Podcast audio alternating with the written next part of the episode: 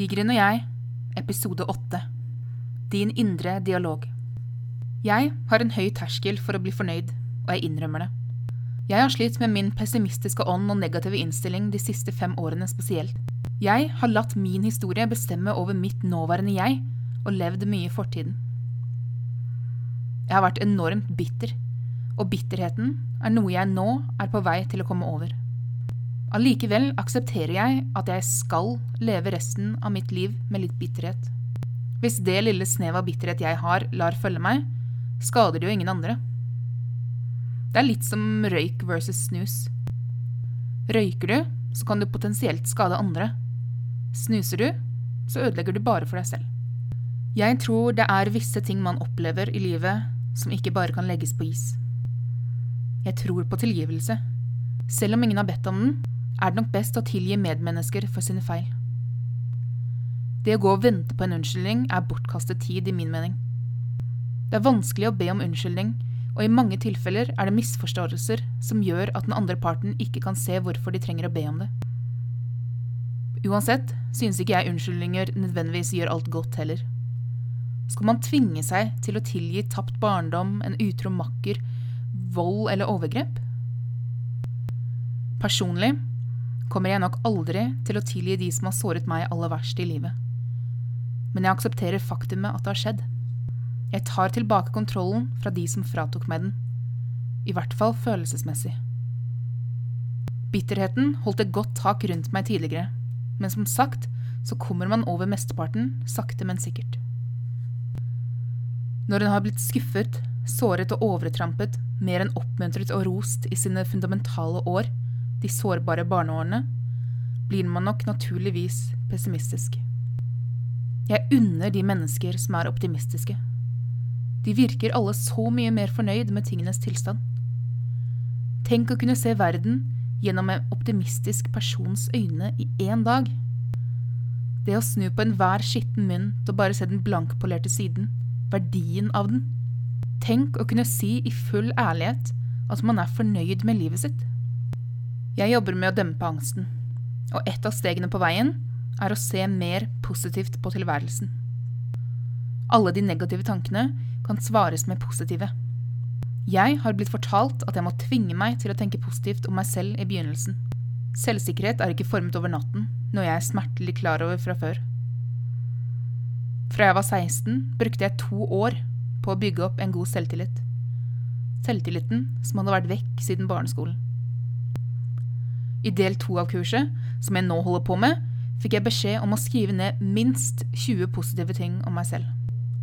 Jeg har stort sett vært ganske sikker på mine verdier og mine styrker, men akkurat nå virket det å komme på hele 20 ting som en uoverkommelig oppgave.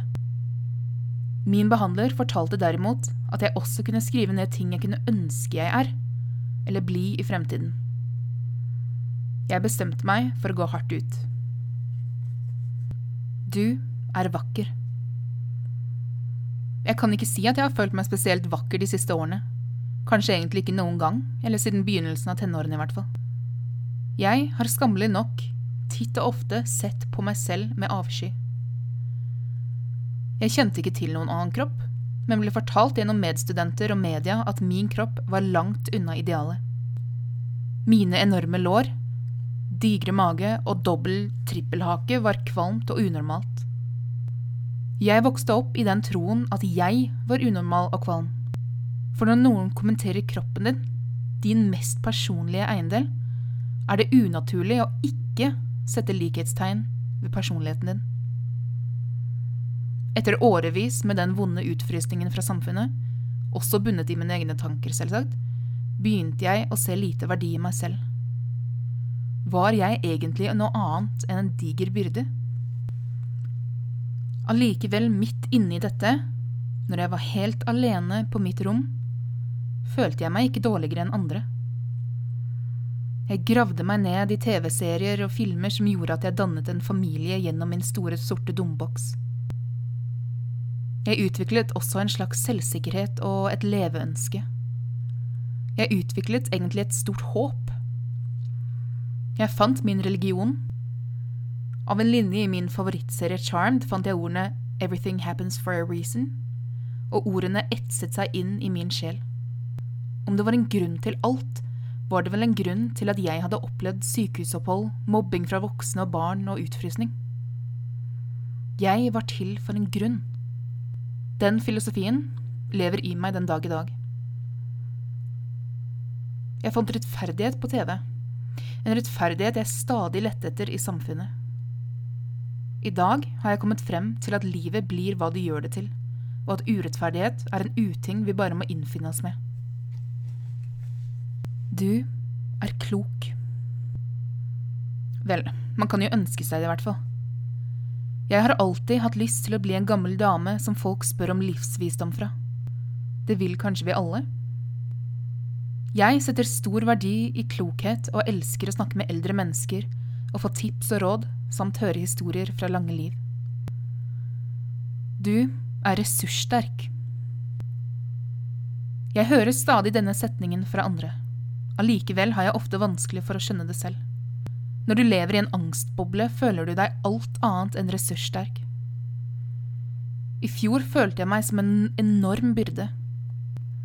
Jeg kunne ikke gjøre noen ting alene. Ikke gikk jeg ut av huset heller. Jeg følte at jeg hørte hjemme seks fot under jorden. Nå derimot er jeg enormt glad for at jeg befinner meg noen hundre meter over vannoverflaten, med bena godt plantet over jordskorpen. Jeg begynner å tro at jeg har noen ressurser. Alle har jo sine unike talenter og egenskaper. Man må bare tørre å bruke dem. Og det er verdt det. Jeg skal ikke fortelle hele listen, men enden på visen er at jeg skrev opp 21 ting til slutt. Jeg filmet meg selv lese inn listen på iPaden og så på videoen.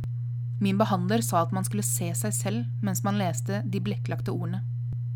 Jeg ble anbefalt å lese eller se setningene hver kveld. Jeg skal være ærlig og si at jeg bare har sett på de to ganger, men jeg lover å skjerpe meg.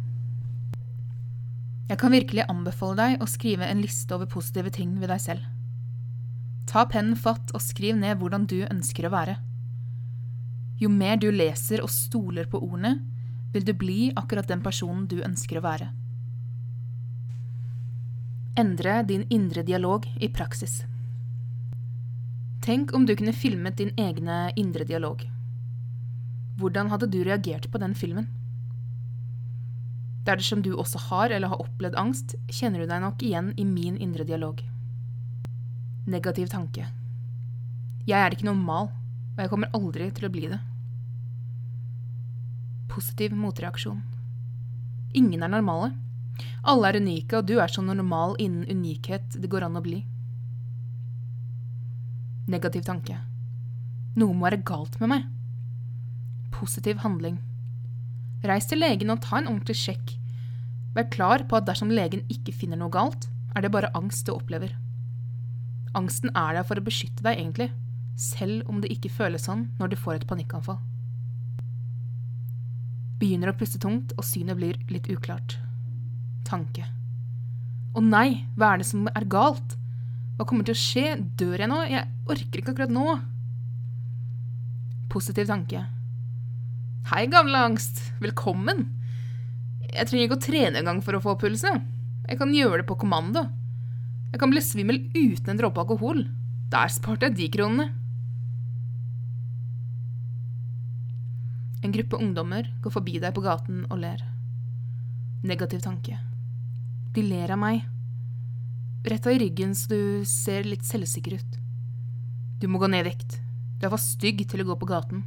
Ingen liker deg. Positiv tanke.